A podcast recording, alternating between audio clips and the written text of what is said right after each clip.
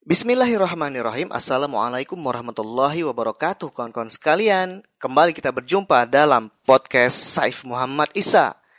Kali ini kita akan bercerita tentang Cangkoro.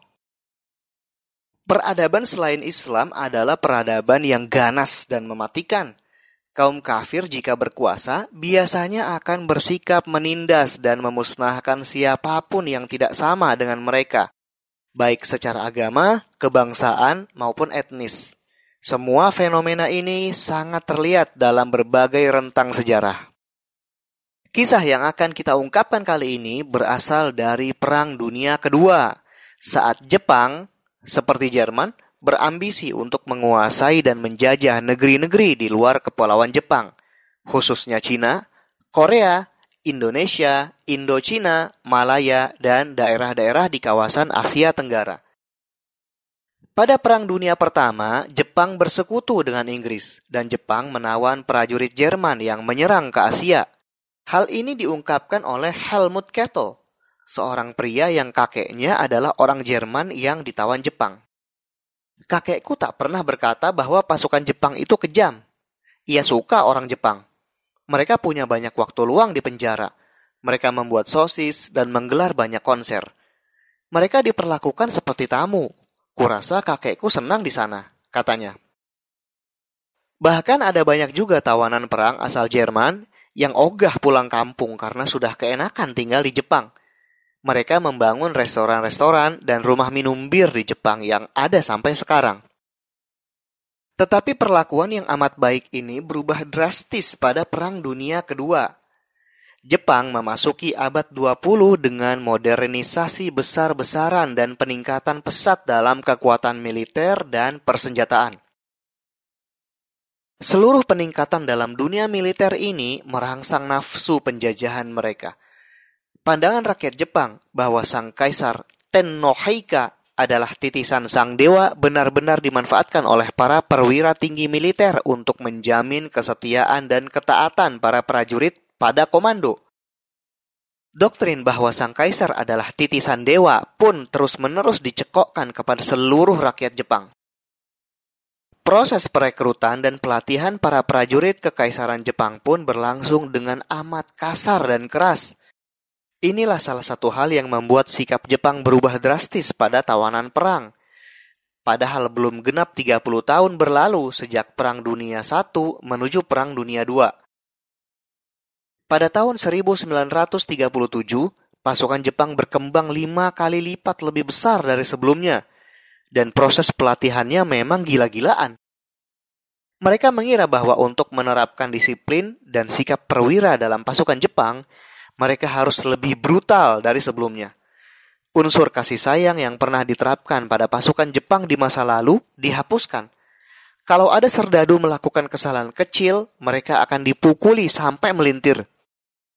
Hal ini diungkapkan oleh seorang mantan serdadu Jepang bernama Toyoshige Karashima. Kadang dipukul dengan tinju dan kadang dengan tongkat bambu. Kadang kami tak bisa makan malam karena wajah kami penuh bengkak. Mantan serdadu Jepang lainnya, Masayo Enomoto, menceritakan hal lain. Sebutannya menghukum diri. Kalau pelatihnya lelah memukuli, mereka menyuruh para serdadu untuk berbaris dan berdiri berhadap-hadapan untuk saling menampar. Maka kami yang sebenarnya berteman saling menampar satu sama lain. Lama-kelamaan saya jadi merasa kehilangan kalau sampai malam saya belum dipukuli. Latihannya sangat berat dan keras. Sampai saya merasa ingin mati saja, kata Haji Mekondo, mantan serdadu Jepang lainnya. Pada tahun 1937, pasukan Jepang sudah memasuki wilayah timur Cina. Dan untuk menjamin bahwa serdadu Jepang harus bersikap brutal dan tanpa ampun kepada orang-orang Cina, mereka didoktrin bahwa orang-orang Cina adalah cangkoro Kami menyebut orang Cina adalah cangkoro. Itu berarti derajat di bawah manusia, seperti serangga atau hewan. Di mana pun juga, ras Jepang adalah ras paling tinggi karena sudah berada di bumi selama 2600 tahun. Orang Cina adalah ras rendah. Mereka tidak pantas sebagai manusia. Begitulah cara kami dahulu memandangnya, kata Yoshio Tsuchiya, mantan Kempetai Jepang. Pada bulan Desember 1937, pasukan Jepang menembus Nanking, ibu kota Cina pada zaman itu. Karena sejak awal mereka sudah memandang orang Cina sebagai cangkoro, maka mereka bertindak sewenang-wenang dan melakukan pembantaian serta pemerkosaan yang amat mengerikan. Di sanalah terjadi sebuah tragedi yang amat memilukan yang dalam sejarah dikenal sebagai Rape of Nanking, pemerkosaan Nanking. Pada 14 Desember malam, banyak kasus pasukan Jepang memasuki rumah-rumah warga Cina dan memerkosa wanita-wanitanya atau menculik mereka. Ini menimbulkan kepanikan di daerah itu. Tulis Louis Smithy, Sekretaris Komite Zona Penyelamatan Nanking. Kami, bangsa Eropa, tercekam. Di mana-mana terjadi eksekusi. Beberapa ada yang dibunuh dengan senapan mesin di luar barak Kementerian Perang. Semalam hampir seribu anak-anak dan wanita dilaporkan diperkosa. Sekitar seratus gadis di kampus Ginling yang terdengar hanya perkosaan. Jika suami atau saudaranya menghalangi, maka akan ditembak mati.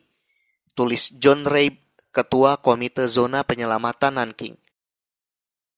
Perkosaan dan brutalitas amat mencengangkan. Dua gadis berusia 16 tahun diperkosa sampai mati di kamp pengungsian. Di universitas dan sekolah menengah, tepat berlindung 8.000 orang, pasukan Jepang datang 10 kali tadi malam dengan memanjat dinding, mencuri makanan, pakaian, dan memerkosa sampai mereka puas. Lalu membayonet seorang bocah sampai mati.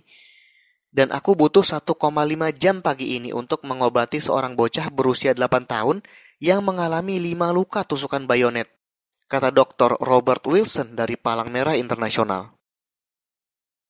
Pandangan tentang superioritas ras ini sangat mengemuka pada zaman Perang Dunia dahulu. Negara-negara yang ketika itu sedang menanjak pengaruh politik dan militernya, mereka yasa sesuatu untuk dijadikan sentimen dan pengikat di negara itu.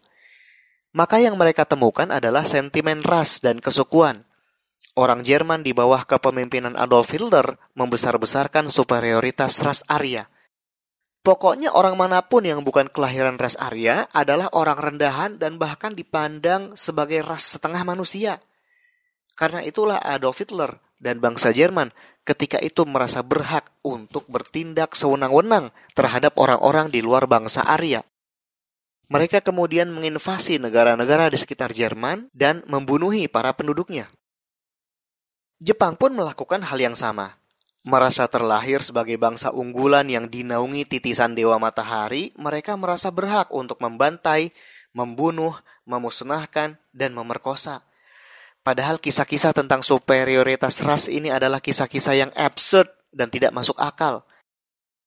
Memangnya siapa sih yang bisa milih dilahirkan dari bangsa Arya atau jadi bangsa titisan dewa matahari? Memangnya siapa sih yang bisa memilih untuk dilahirkan jadi orang Jepang atau orang Jerman? Tidak ada yang bisa. Jadi kalau begitu kenapa seseorang harus dibantai hanya karena dia menjadi sesuatu yang sama sekali tidak bisa dia pilih? Islam pun sebenarnya memiliki ikatan-ikatan yang membagi-bagi manusia. Islam memandang orang yang muslim dan mukmin itu lebih utama dan jauh lebih mulia daripada orang kafir.